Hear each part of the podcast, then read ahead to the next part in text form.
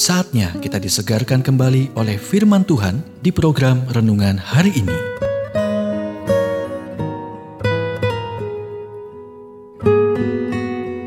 Renungan hari ini berjudul Seperti benih yang tumbuh di dalam diri Anda.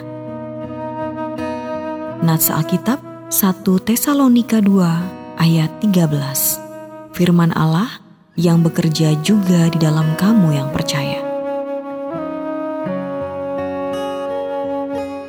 Ketika Anda membaca firman Tuhan, lalu mempercayai dan melakukannya, itu seperti benih yang tumbuh di dalam diri Anda. Benih-benih itu memiliki kehidupan. Di alam, Anda tidak perlu memahami proses di mana benih tumbuh. Anda hanya perlu menyiram, memelihara, dan melindungi mereka.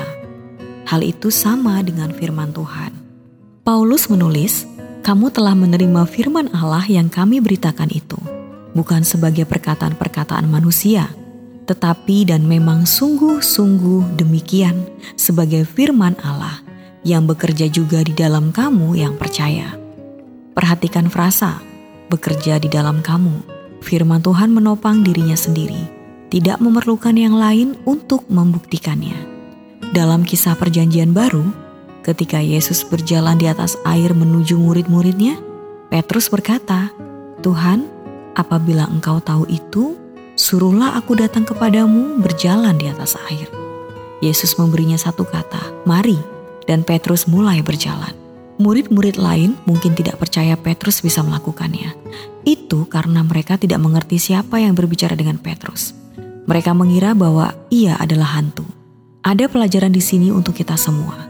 Ketika Tuhan berbicara kepada Anda melalui firman-Nya, Jangan berharap semua orang mengerti, setuju, atau mendukung Anda. Sebuah hal yang manusiawi bila menginginkan orang-orang tertentu melihat apa yang Anda lihat dan percaya pada apa yang Anda lakukan.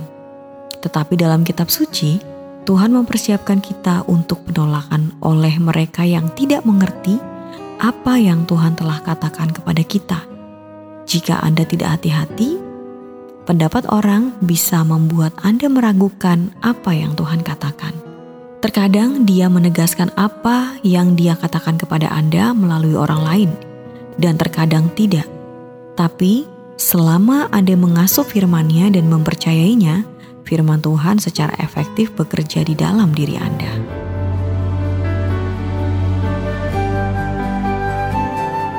Kita telah mendengarkan renungan hari ini. Kiranya renungan hari ini terus mengarahkan kita mendekat kepada Sang Juru Selamat, serta menjadikan kita bertumbuh dan berakar di dalam Kristus.